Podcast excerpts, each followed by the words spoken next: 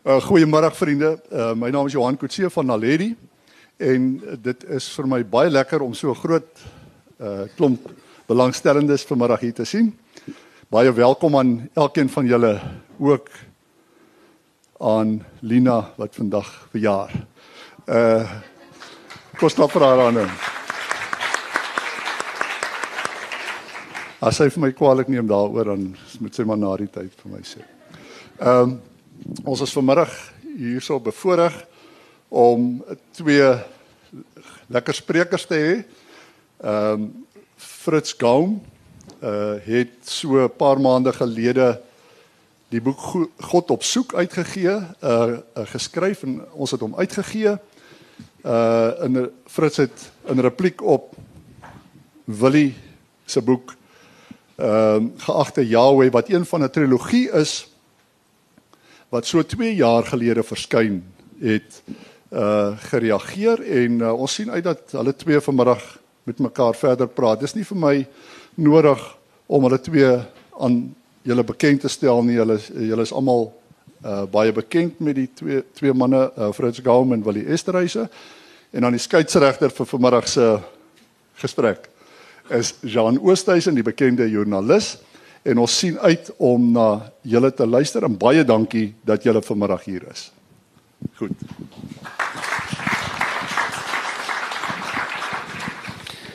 Uh goeiemiddag en baie welkom aan almal ook van my kant af.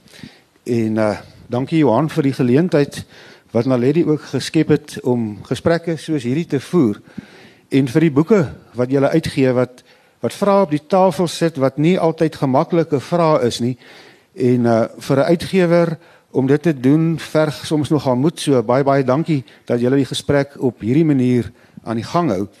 Uh Willie se boek geagte Jawe het so 2 2 jaar gelede dink ek verskyn nie waar nie en en Fritz se boek God op soek uh einde hier verlede jaar en albei hierdie skrywers plaas aktuelle vrae op die tafel vrae waaroor ek dink almal van ons wonder en uh Min van ons het antwoorde daarop, elkeen van hulle uit hulle eie hoek en hulle eie perspektief. Maar baie dankie ook vir julle vir die vrae wat julle op die tafel sit. Wil jy ek wil graag by jou begin vanmiddag want jou boek geagte Jawe het eerste verskyn en daarin het jy 11 briewe geskryf aan Jawe. Uh nou wil ek graag vir jou sommer ter inleiding vra uh hoekom het jy aan hom geskryf en hoekom spesifiek aan Jawe? Hoekom geagte Jawe? en nie geagte God of soos Fritz voorgestel het in sy boek, hoekom nie liewe Jesus nie?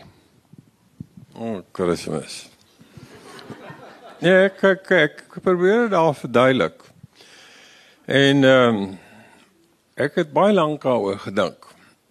En ek wou op 'n stadium wou ek die woord liewe gebruik het. Wat jy nou vir my gebruik en baie dankie. Jy weet ek het nie meer baie liewe mense hoor nie my ouderdom nie. Maar die en toe het ek besluit op die woord, want kyk daar's baie woorde name vir God.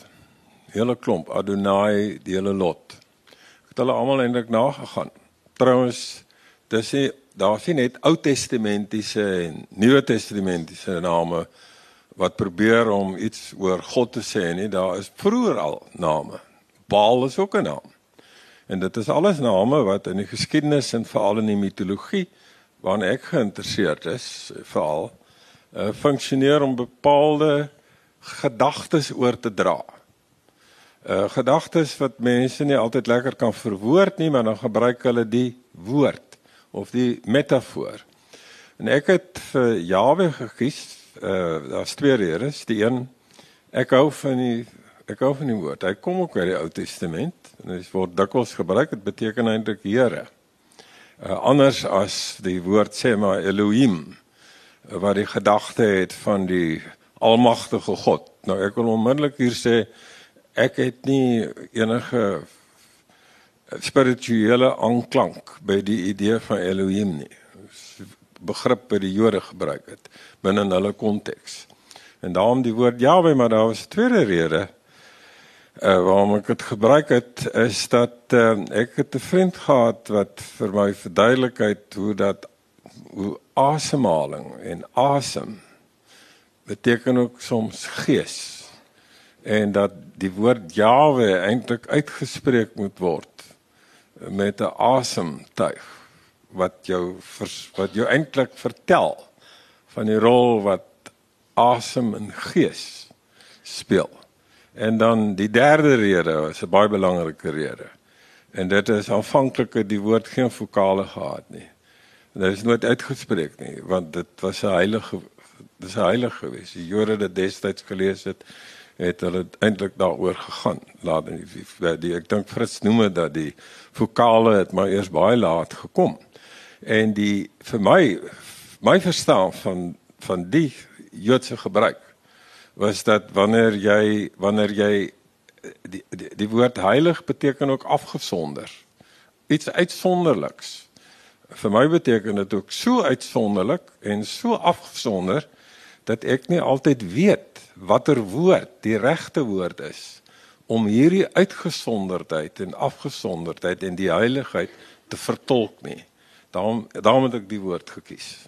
Dit is interessant uh Ek weet nie of hier van julle is wat gister gaan luister het of uh, Vrydag na Hemelbesem se praatjie oor sy boek nie en hy het toe gepraat oor die groet Awe.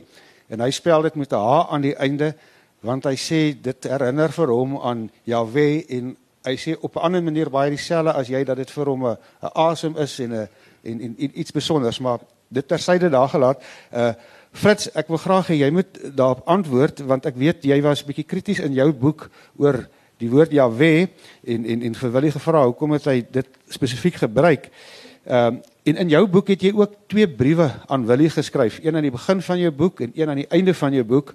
Ehm uh, en as mense nou jou boek lees in die begin dan is daar 'n paar goed wat jou moerig gemaak het van Willie se boek en 'n paar goed wat jou ontroer het. Wil jy nie bietjie vir ons daarvan vertel nie van die goed wat jou moerig gemaak het en hoekom en dan ook miskien van die goed wat jou ontroer het? Uh John, ek wil daarom eers sê die woord moedig gebruik Willie natuurlik nou in sy boek op bladsy 87. Uh, hy sê dit is 'n bekende Afrikaanse woord en bete beteken uh, heel taamlik uh, taamlik toornig. So toe het ek nou gedink die interessante Afrikaanse woord wat hy nou gebruik, dit is presies die emosie wat by my opgekom het as dele wat ek nou gelees het in sy boek wat 'n belangrike boek is en dan ook ontroering want daar is baie dele van die boek uh Willie wat wat vir 'n mens ontroer. En nou wil ek vir jou ook sê wat jy skryf en wat jy sê is in die Afrikaanse gemeenskap belangrik. Jy is miskien een van die groot huidige lewende Afrikaanse denkers. Jy het op verskillende maniere het jy 'n rol gespeel in ons geskiedenis, ook in die kerkgeskiedenis. een van die belangrike dinge wat gebeur het uh, is in 1980 toe jy en sewe ander teoloë 'n hervormingsdag getuienis gelewer het wat jy die kerk aangespreek het, die NG Kerk of julle die kerk aangespreek het oor apartheid en ge, eintlik gesê die kerk moet mooi dink in watter mate is geregtigheid aan die gebeure in Suid-Afrika in daardie stadium. uh so op kerklike terrein, jy was aan verskillende kommissies gewees van die kerk en jy word hoog geag in kerklike kringe. Jy is hoog geag in die kerklike kringe. En dan op die breër terrein het jy 'n baie groot rol gespeel destyds met die oorgang tussen 87 of 97 watter jare presies nou 87 tot vroeg 90 met die aanvanklike gesprekke oor gesprekke oor die nuwe bedeling wat ons nou beleef. Met ander woorde, as jy praat, luister mense. En daarom is dit belangrik wat jy sê. En wat jy in hierdie boek sê in sommige opsigte het ek gevoel dit maak 'n mens 'n bietjie moedig Dit maak 'n mens 'n bietjie verbaas opkyk. In ander dele van jou boek sê jy wonderlike goed. Juis oor oor jou geloof, oor jou worsteling tot geloof. En dit wil ek dit wil ek ook sê, Willie. Geloof het ook die deel van die element van twyfel. As 'n mens uh weet, dan glo jy nie, dan het jy die kennis kant te klaar. Ekskuus dan. Maar geloof is is ook altyd is daar die tweede deel by van twyfel. Is dit nou presies so? Ek dink ook daar is verskillende vorms van twyfel. Daar is 'n twyfel wat uh sieklike soort twyfel is wat wat nooit 'n antwoord wil kry nie. Maar daar is ook gesonde twyfel dat 'n mens ook nadink weer oor goed en dat 'n mens ook nuut dink oor goed en dat jy ook anders dink oor goed. En ook in my boek Jan het nou in sy resensie van my boek gesê daar is baie klisjées in uh, wat seker so is. Maar uh, die die punt is dit is tog ook wel 'n poging om er nie te dink dan nou maar om nie die bakens van ons geloof prys te gee nie. En nou is dit die groot vraag wat ek vanmiddag vir jou wil vra Willie. Nadat ek nou die boek gelees het aan Jahwe en ek hoor wat jy alles sê oor waarom dit juis aan geagte Jahwe is en nie aan die gesig van Jahwe wat ons baie beter ken, Jesus nie. Maar wil ek vir jou vra tas jy nie in jou boek uiteindelik die wortels van die Christelike geloof aan nie. Dit is my vraag. Uh dankie Fritz. Uh, ek dink jy het nou eintlik basies alles op die tafel gesit wat wat ons oor gaan gesels en waaroor ek ook graag wil gesels en jy het ook 'n paar van die goed genoem wat ek wil hê ons moet aanraak uh, onder andere twyfel en wat is die verskil tussen gesonde twyfel uh en en en dan giftige twyfel soos jy dit noem. Uh kan jy dalk net uh ek wil ek wil graag hê ons moet al hierdie punte uitkom, maar kan jy dalk net so een of twee punte noem vinnig? Wat is dit spesifiek wat jou ontstel het van die boek? Is dit uh uh is daar spesifieke goed wat jy net so in bullets kan noem? Net so 1 2 3 dan kan ons dalk daaroor aangesels en vir Willie vra om daarop te reageer. Ek sal ek sal graag net verwys daarna Willie want aan die einde van jou boek het jy sekere belydenisse wat jy doen. En ek dink die belydenisse, dit is eintlik waarom dit op stuk van sake gaan en dit is die dinge waaroor ons sekerlik dan nou ook sal wil praat. Jou eerste belydenis is en miskien kan jy meer daaroor sê nou. Ek glo nie in u en dit is nou Jahwe as 'n persoonlike God wat alles geskep het, oor alles beskik, my wel en wee bestuur en allerlei bedoelings met mense, met my en met die wêreld het nie. Dis jou eerste beleid. Goed, kan ons kan ons net so een vir een vat. Ek het dit nou hier later in, maar dit is ek dink dit is dalk 'n be belangrike vertrekpunt. Um die hele kwessie van God as 'n persoonlike God. Um uh en wil ek weet jy het al weggestap van God as 'n persoonlike God, as 'n teïstiese God daarbo vir wie 'n mens uh letterlik allerlei dinge kan vra en hy gee dit vir jou, maar miskien moet ons daarby begin dan dat jy daarop reageer. Ja, goed dat ek wou net sê Fritz, nee, dankie vir jou boek. Jy weet ehm um, op 'n persoonlike noot, die ding wat ek geskryf het, het baie lank geneem om te skryf. Uh, baie jare en baie gesprekke met 'n paar mense wat baie na aan my is en so.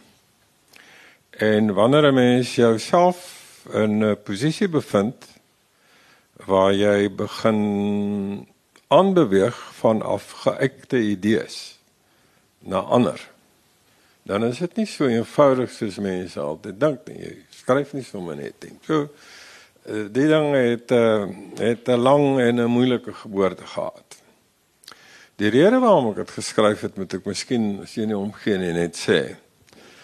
Dit gaan oor Malta ook. Nou staan ek daar by Malta, Valletta. En ek het ek ken die storie redelik goed en ek wil nou nie uitwy nie. Nou staan ek daar Want hier was 'n groot geveg tussen die moslems en die Christene, een van die grootste gevegte ooit. Derduisende lyke daar rond gedrywe. En voor die hoofgeveg die uh, Knights of St John en die daai raap en skraap soldate van hulle was op om te verloor. En toe ou Walet wat ook al 80 was, so oud soos ek, so jy kan nog oorlog maak as jy 80 is. Hy bid daar wanneer hulle hou nagmaal. En die mullahs oorkant wat Zulumans ouens bid ook. Hulle bid vir alle. Altwee bid om te wen. En uiteindelik wat reg en van uit 'n strategiese hoek dink ek gesien iets besonders wonderbaarlik is. Ehm uh, wen die moslems nie die Mariaanse padkies. En die kerkklokke het dwarsteer Brittanje en oral gelei van anglikane en katolieke, die Knights of St John's katolieke. Nou vanoggend lank gesprek met 'n groep katolieke uit Amerika gehad. En ek staan daar vir baie keer daar gestaan. Sê vir myself, hoe is dit moontlik? Hoe is dit moontlik dat jy twee groepe kan kry wat albei 'n godsdienstige oortuiging het, 'n bepaalde begrip van God en as die een wen, dan sê die wenner God is aan my kant. Ek het al weggestap. En die sin wat ek geskryf het, het ek lank geneem om te skryf. Ek het nie sommer net geskryf ek het weggestap van 'n persoonlike God nie. Ek het weggestap van die idee dat daar ergens 'n persoonlike God is wat elke wat die touwtjies sit en trek en ons spring rond en dan moet ons of dankie sê of ons sê sorry dit het toe nie uitgewerk nie. Daardie tipe godsbegrip. En nou dis 'n godsbegrip wat nie deur die Christene of die Jode ontwikkel is nie. Dit kom uit oortye uit in die mitologie ook.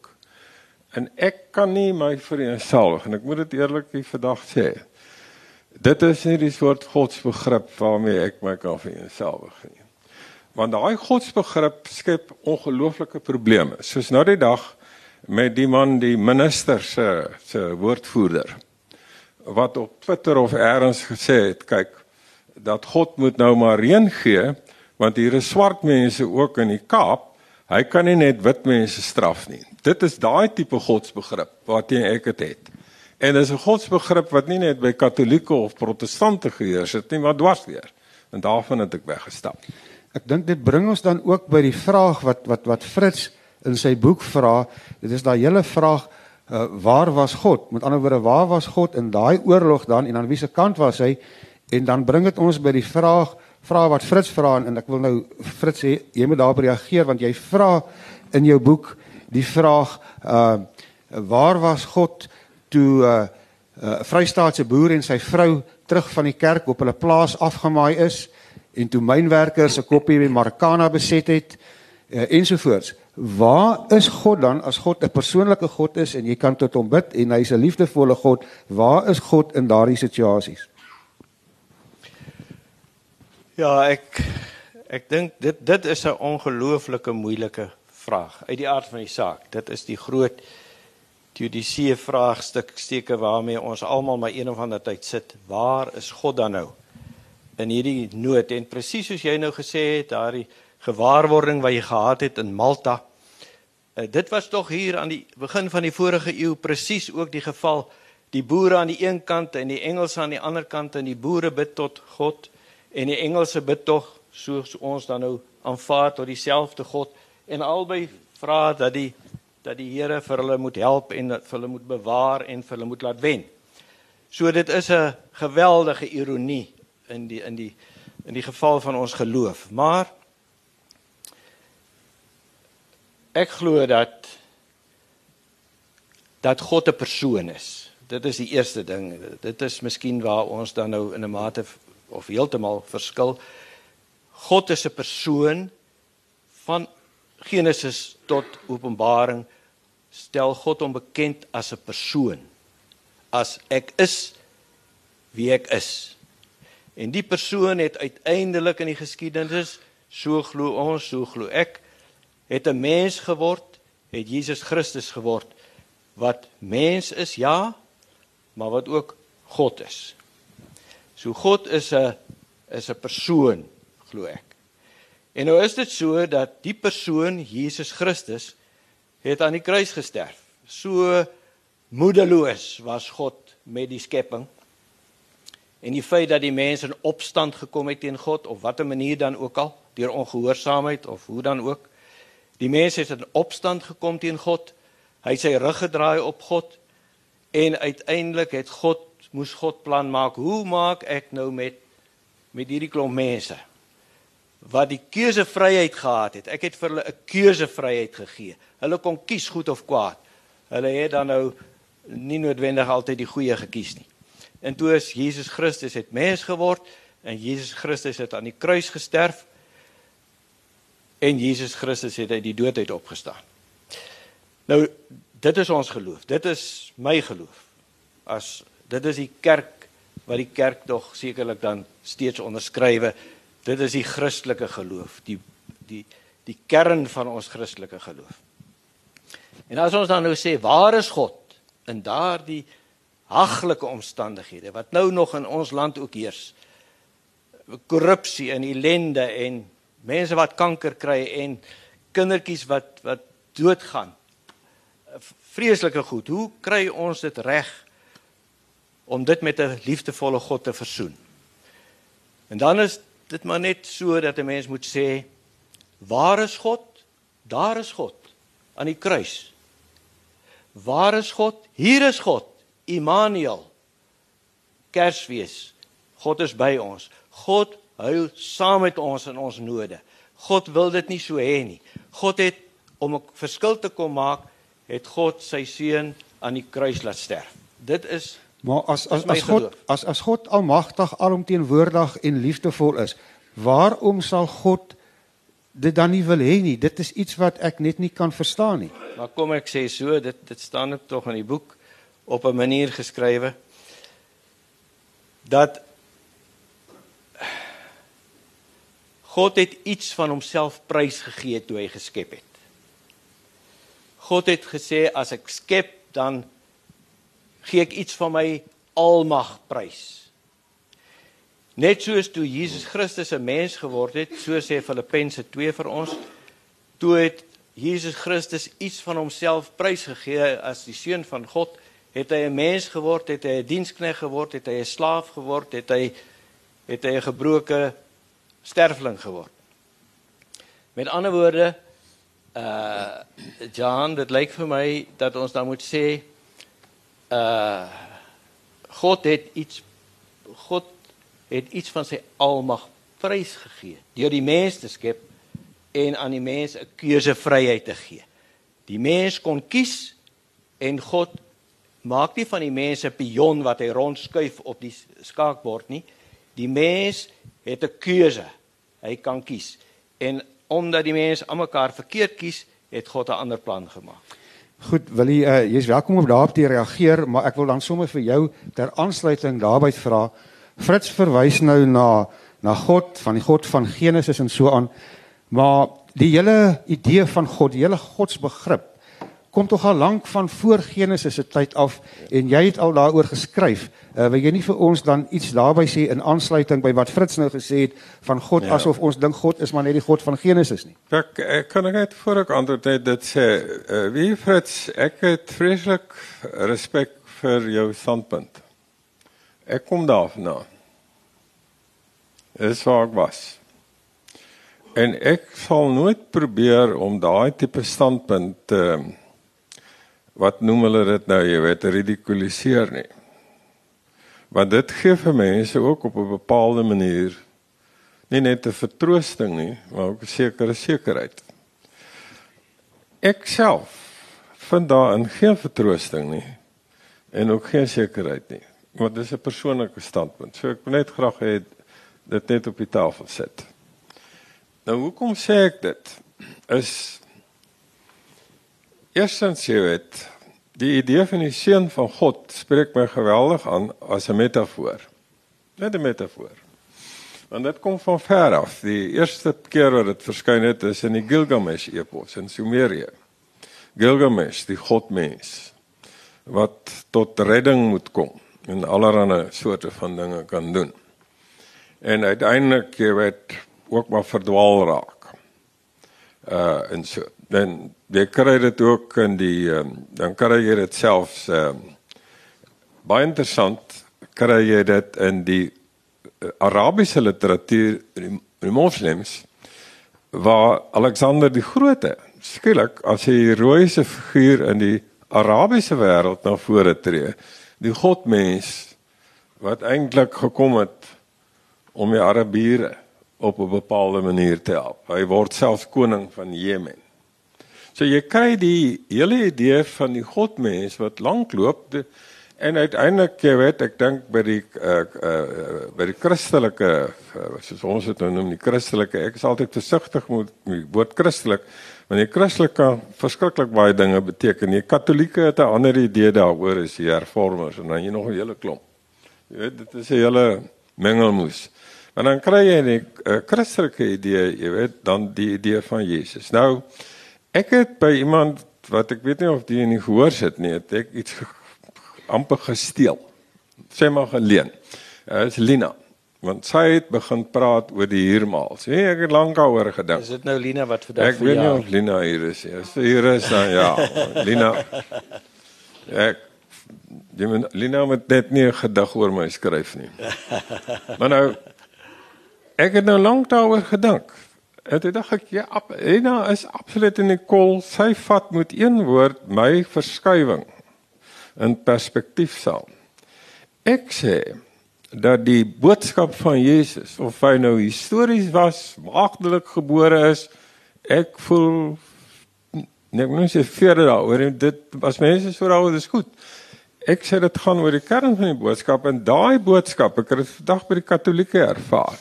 Daai boodskap het 'n impak op hiermaals. Hiermaals. En ek het tot die besef gekom dat vir my is die spirituele en God as my metafoor die amper wil ek sê dwang om in die hiermaals daardie boodskap vlees te laat word. En so word in my lewe en in elke persoon se lewe daardie woord vlees en weer geïnkarneer. En wat elders in eendag gebeur, het ek heel rustigheid oor. So ja, ek dink ek het weggestap van die geuite geloof wat vir mense vertroosting bied en ek wil dit nie aantorring nie. Dit is oukei. Okay. Al wat ek wil sê vir my, my sekerheid en my soort van verstaan van die sin van die lewe. Hou hiermee verband net 'n kort opmerking. En nou laaste tyd baie gelees oor die morele verbeelding, moral imagination. En die heilige tekste die aktiveer mense morele verbeelding. En my morele verbeelding word in hierdie wêreld Lina se hiermaals geaktiveer in terme van daai boodskap wat ek in die Ou Testament leef. Bietjie moetswillig laat ek net sê uh uh ek ek raak nie eintlik moerig nie. Ehm uh, nie werklik nie. Soms net met my kinders baie keer. Ek raak wel moetswillig. Soos wat Sokrates en Jesus ook was. Jesus was verskriklik moetswillig in sy tekste. Hy het die Jode teen die mure op laat klim en hy het uh daai maffia wat in Jerusalem, die Sanhedrin, die maffia was. Hy het hulle so kwaad gemaak dat die soos ek nog in my lewe nog nooit gesien het nie. Ek wil hom gekruisig. Letterlik. Maar nou daai morele verbeelding is die ding wat die verskil maak in die wêreld. Ek ek wil graag terugkom by kan Jesus. Ek net kan ek net uh, net ietsie sê die hiermaals van van Lina en wat jy nou ook sê is so belangrik in, in elkeen van ons se lewe. Ek stem 100% daarmee saam. Ek meen ons lewe hier en nou en ons moet hier nou uh vlees gee aan aan bepaalde dinge van ons geloof ook. So dit is nie asof ek net sê a pie in the sky when you die en ons sien net maar uit na 'n ewigheid sonder meer en hierso wat nou ook al hier gebeur nie. Die hiermaals is verskriklik belangrik. Maar die hiernamaals is ook belangrik, Willie. Dit is die boodskap van die Bybel wat my betref. Die hiernamaals is ook belangrik. Maar dit wil nie sê dit is nie asof dit hier hiermaals enigsins 'n benadeel nie of uh, sê dit is nie belangrik nie. Ehm uh, goed ons kan weer daarby uitkom maar ek wil graag terugkom na Jesus toe want uh, jy het nou na Jesus verwys. Jesus as synde God en en wil jy dit ook na Jesus verwys en uh, ek dink nie wil jy sien Jesus as God nie maar wil jy is ook 'n volgeling van Jesus. Uh kom ons gesels 'n bietjie oor oor oor Jesus dan want daar is ook 'n debat daaroor uh, selfs onder gelowiges uh is Jesus dan God of is Jesus uh die Joodse rabbi? Ek weet Lina is byvoorbeeld een wat al baie daaroor gedig het en weer die Joodse rabbi wil gaan haal, die een wie baie mense glo Jesus was regtig wie hy regtig was. Uh so Fritz, wanneer het Jesus God geword? Ek uh ja, sommige sal sê Paulus het van hom iemand gemaak wat die evangelieskrywers nie geweet het van nie. Uh maar wil hy jou ou kollega vir wie ek nogal waardering het, Anton van Niekerk, het 'n baie baie goeie boek geskryf, Geloof sonder sekerhede. Hoe kan ek nog glo? En uh baie dinge wat in hierdie boek staan, stem ek volledig mee saam. Alhoewel ek glad nie met Anton kan saamstem oor Afrikaans op Stellenbosch nie. Maar uh dit het niks met God te doen nie. Dit het nou nie. Wel ons ons ons moet seker maar oor die saak ook bid, Willie. Baie. Maar uh uh Anton skryf hierso in sy boek of wat 'n bladsy ook al. Wie is Jesus dan? Ekskuus tog, ek net my my bril nader kry. En nou wil ek wonder ek watter mate jy hiermee kan saamstem Willie, synde 'n mede-filosoof. Wie is Jesus dan? Hy is God in die vlees, maar ook seun van die mens. Hy is waaragtig God en waaragtig mens. In hom sien ons wie God is. Ons kan God nie pyl in sy volle omvang en betekenis nie. Ons sien in Jesus slegs die gesig van God wat ons verseker dat hy vir ons is en nie teen ons nie. Maar ons leer in Jesus nog meer van wat dit beteken om werklik mens te wees. Jesus wys ons die ware mens. Die mens wat God bedoel het ons sal wees. Wel ek stem in uh, absoluut volledig saam met wat wat Anton hierso skryf. Ek wonder of hoe wil hy daaroor voel? Ja nee, Anton het dit nie uitgedink nie. Thomas Aquinas het dit al gesê. Hy het dit dan nou beamoen. Ek dink. Hy het dit beamoen. Ja nee, hy het dit Anton het dit beamoen. Ek weet nie met Anton spreek tree of so nie, maar Thomas Aquinas het die van het rare goed ook gesê, soos alle teoloë en filosowe. En ehm um, ligte mistykies ook selfs gemaak ou Thomas. Maar hy het die punt gemaak dat die hy is uiteindelike punt van die evangelie en die geloof is is dat mense op aarde Jesus moet beliggaam. Dis my punt. Thomas skryf wel ook daaroor oor God en hy werk met die idee. Hy werk ook met 'n persoonlike God. Nou ek wil graag iewers bely. Ek kan nie ek weet nie hoe om daarmee te werk nie. Ek sê dis 'n metafoor. Vir my is God of die goddelike of die wat van Perse noem die nie materiële of mens kan ook sê die werklik morele boodskap, die moral imagination wat jy nie kan sien nie.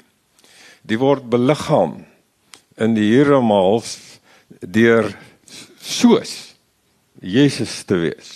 Die voorbeeld, dit is wat Aquinas sê. So ek sal van Anton verskil as hy sê daar is eers ook 'n persoonlike God. Ja, ja ek ek miskien moet ek dit by dit probeer duideliker maak. Dit is nie vir my 'n kwessie nie. My kwessie is as ek die boodskap so beliggaam soos wat ek verstaan en dit lees dan kan die res vir homself sorg. Wil jy dit beteken die gebed van Here Jesus ons Vader wat in die hemel is, kan jy nie bid nie? Dit beteken dat jy nie kan bid nie. Is dit so? Ja, dit is 'n fantastiese gebed. As jy die bietjie ook 'n bietjie metafories daarna kyk, dan moet jy net onthou hy het nie daai ding neergeskryf nie. Hy het net een ding geskryf en dit was ergens in die sand. Dis ander ouens wat dit goed geskryf het uit hulle herinneringe. Die die die die die vraag om daarbey ook aan te sluit uh uh ek kom weer terug na die na die hele ding toe van van Jesus as 'n God teenoor Jesus as 'n Joodse rabbi want daar is mense wat sê Jesus as 'n Jood sou dit eintlik half godslasterlik gevind het as met dat mense van hom 'n god maak. Ehm uh, het Jesus pertinent gesê in sy lewe dat hy is God, want hy dan self tot God gebid, het hy dan tot homself gebid. Vra dit vir my. Vir albei. O, goed. Nee. Kyk, ek sukkel nie veel met die rabbies nie. Nee, ek ek is baie ernstig as ek sê, kyk, ek lees die goed ook soos dit daar staan. Wat gebeur? Hier kom 'n ou met die naam van Jesus. Hy het nie baie gepraat nie. Ek dink hy was ek weet net van hom toe hy 12 jaar oud het toe moeilikheid gemaak het. En eers hier by 30 begin hy praat volgens nou die teks. En en ehm um, een van die eerste dinge wat hy doen En dit is waar ek dink ek dalk ook verskil want ek beskou die Nuwe Testament nie as 'n vervulling van die Ou Testament nie. Ek lees al die profete, maar ek lees glad nie meer Exodus en daai oorlogsverhale wat Samuel en die ouens uh oor praat nie.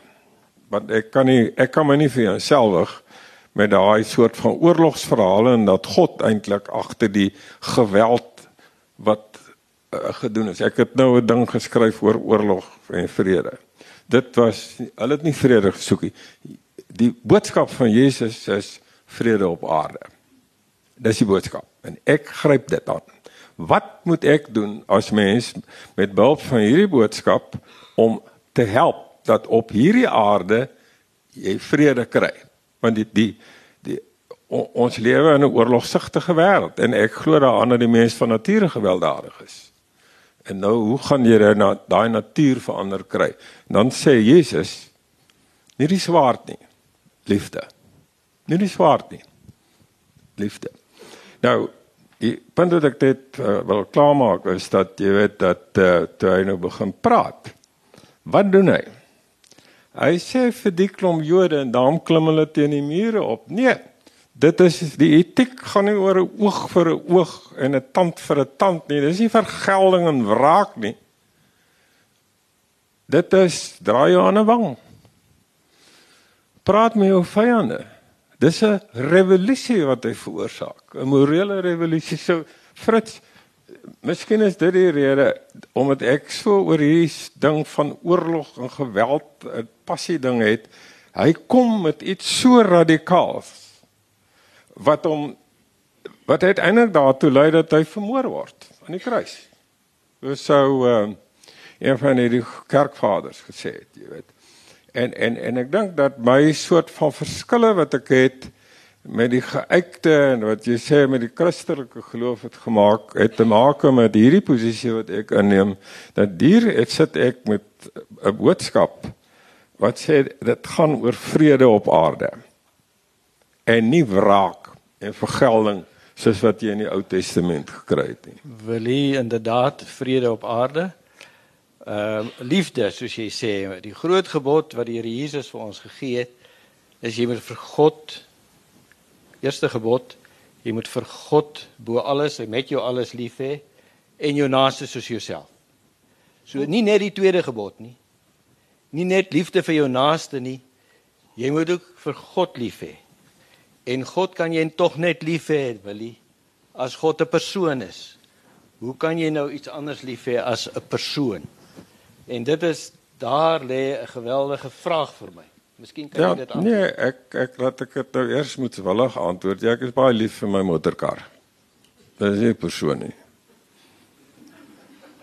Dit is dit is ek, ek moet net verder gaan hier te sê wil jy, wil jy dit is nee, wel kan ek net ja. sê jy weet dit is 'n bietjie moedswillig maar kan ek nog verder gaan en sê jy weet dat ehm uh, as ek werk met die idee van God as 'n metafoor en ek weet nie wat dit alles beteken nie want 'n metafoor sê eintlik jy weet nie in 'n sekere sin nie maar dan het ek 'n passie vir die vir my gebruik van daai metafoor. Want dit is al wat ek kan gebruik. Sê ek die woord God gebruik as metafoor. Dan doen ek dit nie ligsinnig nie. Dan doen ek ook dit op 'n manier om te sê kyk, ek weet nie. Ek weet nie. Al wat ek weet is dat vanweë hierdie metafoor het daar 'n boodskap by my uitgekom wat ek wil laat vlees word.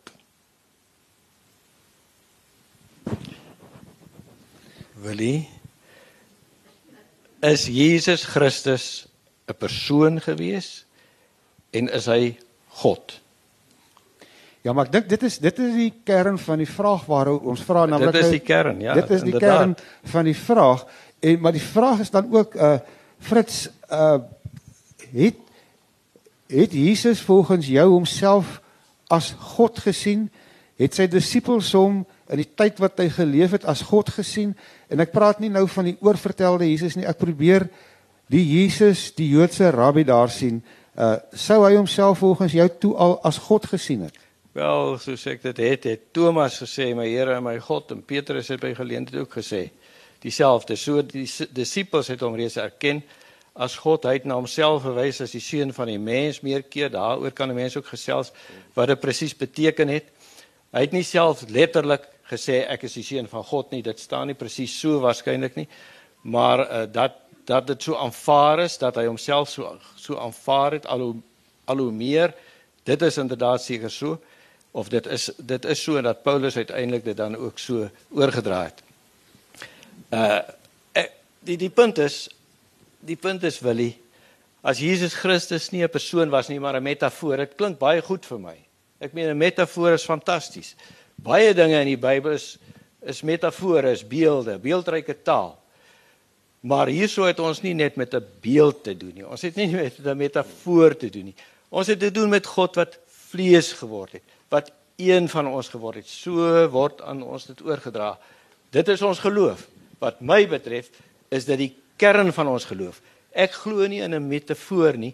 Ek glo in 'n persoon in Jesus Christus. Uh Fris kan ek net vra vir duidelikheid, uh sluit dit dan aan dat Jesus gekom het om ons te red van ons sonde, sluit dit nie dan direk aan by die sondeval nie?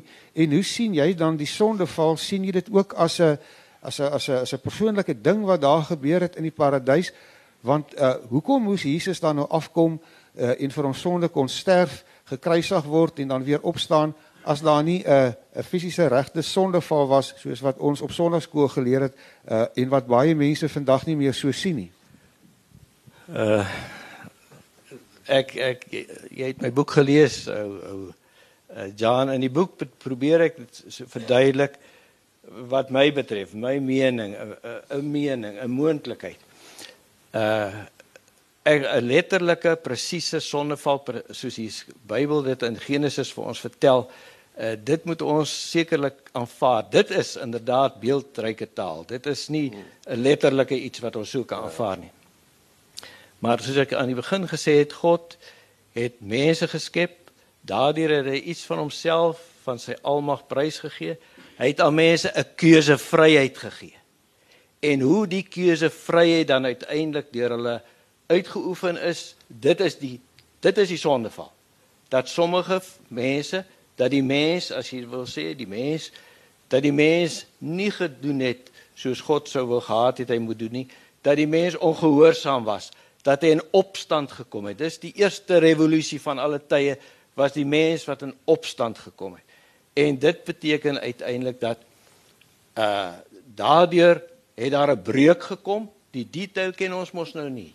Was die, Die eerste detail ken ons nie. Maar was die eerste revolusie van alle tye dan nie volgens die Christelike geloof juis in die hemel gewees waar die Satan uitgewerp is uit die hemel en ja, die probleem dan nie al daar begin nie. Ja. Nee, jy het nie my boek goed gelees nie. Ja. Want ek het wel daar een en ander ook oor die oor die bose te sê. So jy jy stem saam met En ek ek ek- mag ek dit sê. Kyk. Ek ek wil eerlikwaar sê, jy weet, ek respekteer die soort van menings. Jy weet daar, dit is vir mense belangrik en so. Uh seker goed is vir my nie belangrik nie en of Jesus nou histories was of maagdelik gebore is, my glad nie belangrik nie.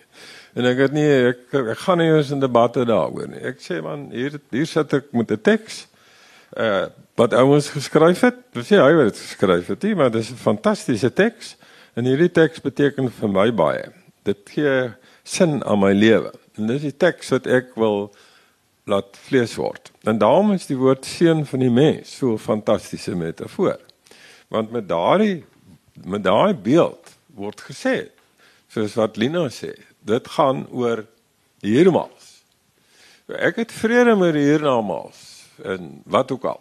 Regtig waar. En ek het baie vrede met myself ook wat dit betref.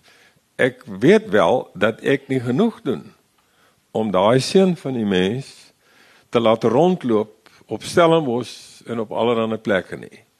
Want die beliggaaming van die teks en die inkarnasie van die liefdesboodskap beteken eintlik ek moet die Jesus beeld wat ek het laat rondloop in die wêreld. Ek moet hom sien. Ek moet hom sien in die senaat en in die raad en ek moet hom sien op straat. En dit is vir my die betekenis. Dan Fritz wil ek dit ook maar so 'n belydenis.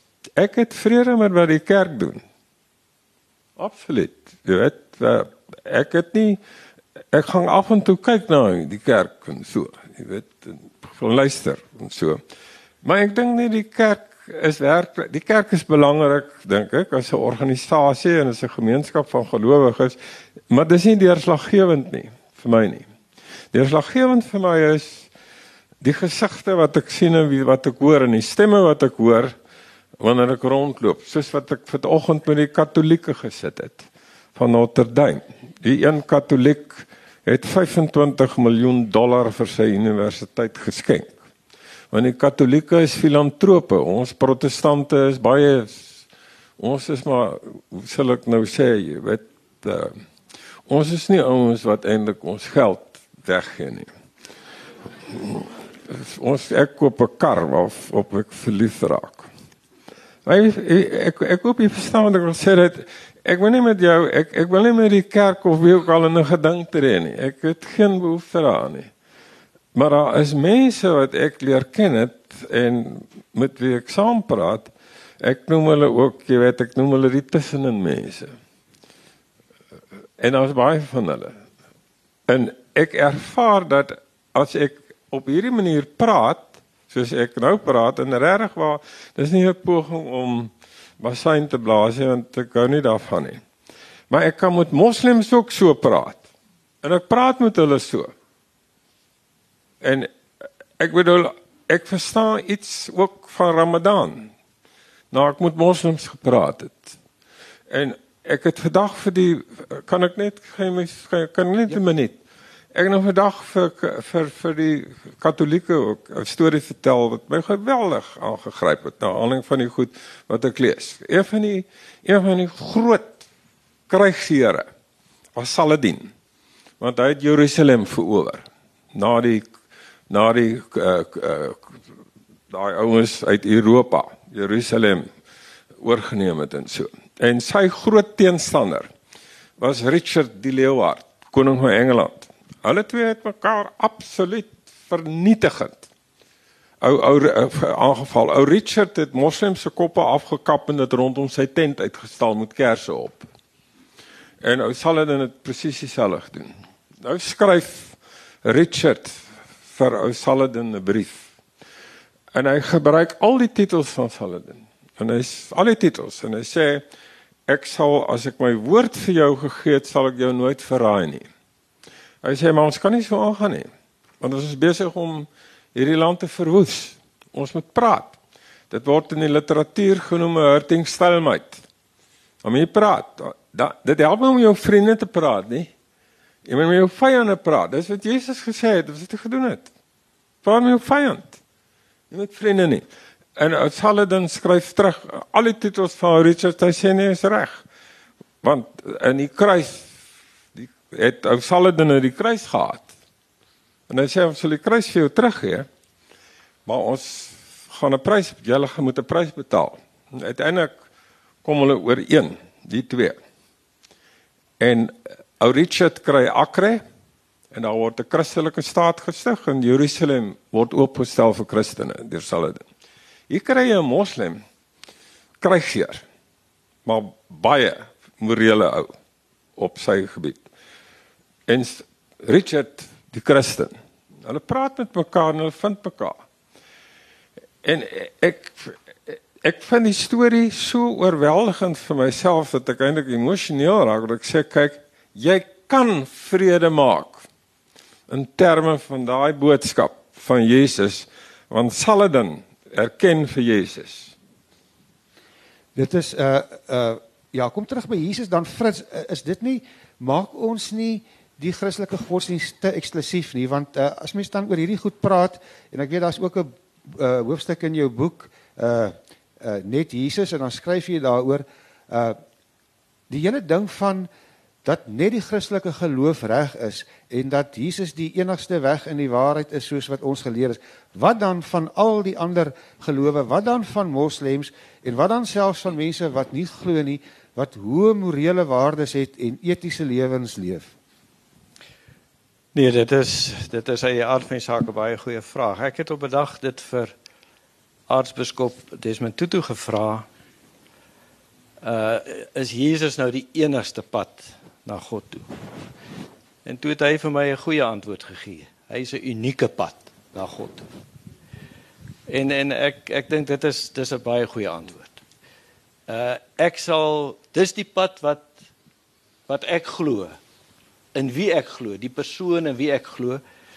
En dit is die pad wat ek dink 'n baie goeie pad is. Dis die pad wat God moeite gedoen het om oop te maak. Hy het 'n kruis geplant in daai pad ek sal nooit sê dit is die enigste pad nie. Goed. Uh, Want ek ek glo werklik waar dat uh God ook op ander maniere met ander mense te werk gaan uh, om 'n oordeel oor ander mense uit te spreek. Dit dit betaam ons nie. Maar dat ons wel moet sê dit is 'n wonderlike pad hierdie wat vir ons vertel van Jesus Christus. Net iets uh, in 'n ander ding van wat jy gesê het Willie. Uh so 'n uh, jaar of 3 gelede was dit mos die kokkie uh, wat ja. gevange geneem was daar waar in die Midde-Ooste of Jemen of waar dit ook al was. En uh die Amerikaners het hom uiteindelik probeer bevry en ongelukkig het hulle toe hele gemors daarvan gemaak en hy's dood in die proses. Maar die mense wat eintlik probeer het om vir Kokkie te red is moslems moslems gewees. Is uh, moslems. Ons het nog so baie ons, ons ons moet dit altyd onthou. Dit is absoluut nie so dat ons nou vir moslems of vir mense van 'n ander geloof moet skeef aankyk nie. Dit is hoegenaamd nie die geval nie, nooit nie. Maar hierdie is 'n unieke pad, die pad van Christus. Uh wil jy ek wil vir jou baie dankie sê vir jou boek. Dit het my moeë gemaak. Dit het my ook ontroer. Ek het baie waardering vir jou. Wat jy skryf en wat jy sê maak saak. Maar ek dink in hierdie boek staan staan goed wat erg problematies is. Ek so glo self in Jesus Christus, 'n persoon, die seun van God, die unieke openbaring uh van die Here uh Lina wat glad nie sê dat die moslem geloof of islam ook 'n unieke openbaring kan wees nie. Uniek is enig, besonder, spesiaal.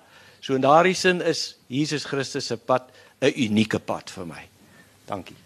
Ja, baie dankie. Uh, Frits, nee, dankie. Ek dink ons het 'n goeie gesprek gehad. Dit is nie die einde nie. Ek dink dit is waarskynlik die begin. Want jy het ook seker goed oopgeboor en by my ook uh by myself verhaal het ontstaan. En ek het baie vrae oor myself. As ek myself moet tipeer, moet ek sê ek is 'n Christelike humanis. Waarskynlik nie 'n Christen gelowige soos in die geuite sin van die woord nie. Baie baie baie dankie. Baie dankie Fritz. Baie dankie Willie. Uh en dankie vir julle almal en ek dink uh dit is